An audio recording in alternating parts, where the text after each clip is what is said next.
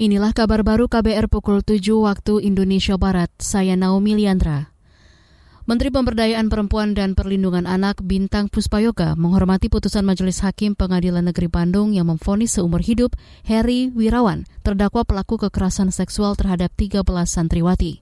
Melalui siaran pers, Bintang berharap Fonis bisa menimbulkan efek jera bukan hanya pada pelaku tetapi bisa mencegah kasus berulang. Namun Bintang keberatan dengan putusan hakim yang membebankan biaya ganti rugi atau restitusi ke negara. Kementeriannya menjadi pihak ketiga yang bakal menanggung beban tersebut.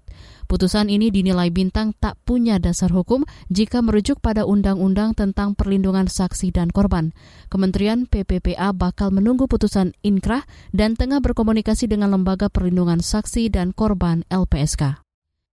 Saudara, pasien COVID-19 yang memiliki penyakit penyerta atau komorbid tidak disarankan melakukan isolasi mandiri atau isoman. Hal ini diungkapkan epidemiolog Universitas Griffith Australia di Kibudiman menanggapi pemanfaatan layanan telemedicine bagi pasien yang melakukan isoman.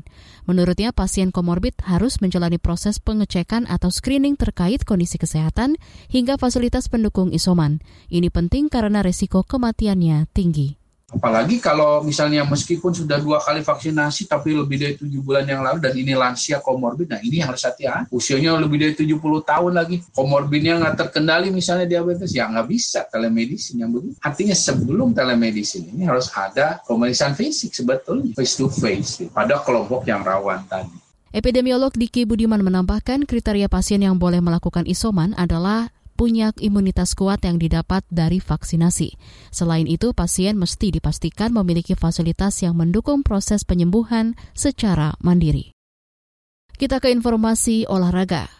Manchester City pesta gol 5-0 di kandang Sporting Lisbon pada laga leg pertama 16 besar Liga Champions. 5 gol dicetak Riyad Mahrez, John Stones, Bernardo Silva, Phil Foden, dan Raheem Sterling. Peluang The Citizen melaju ke babak selanjutnya makin terbuka lebar karena di leg kedua mereka akan bertindak sebagai tuan rumah. Di pertandingan lain, klub papan atas Prancis PSG menang tipis 1-0 atas Real Madrid. Bermain di hadapan pendukung sendiri, PSG tampil menekan sejak menit awal. Tim tamu juga terus bertahan dan bahkan sempat berpeluang mencetak gol lewat tendangan penalti, namun gagal dieksekusi Lionel Messi. Di masa injury time, Kylian Mbappe akhirnya mencetak gol dan membawa PSG menang atas Madrid.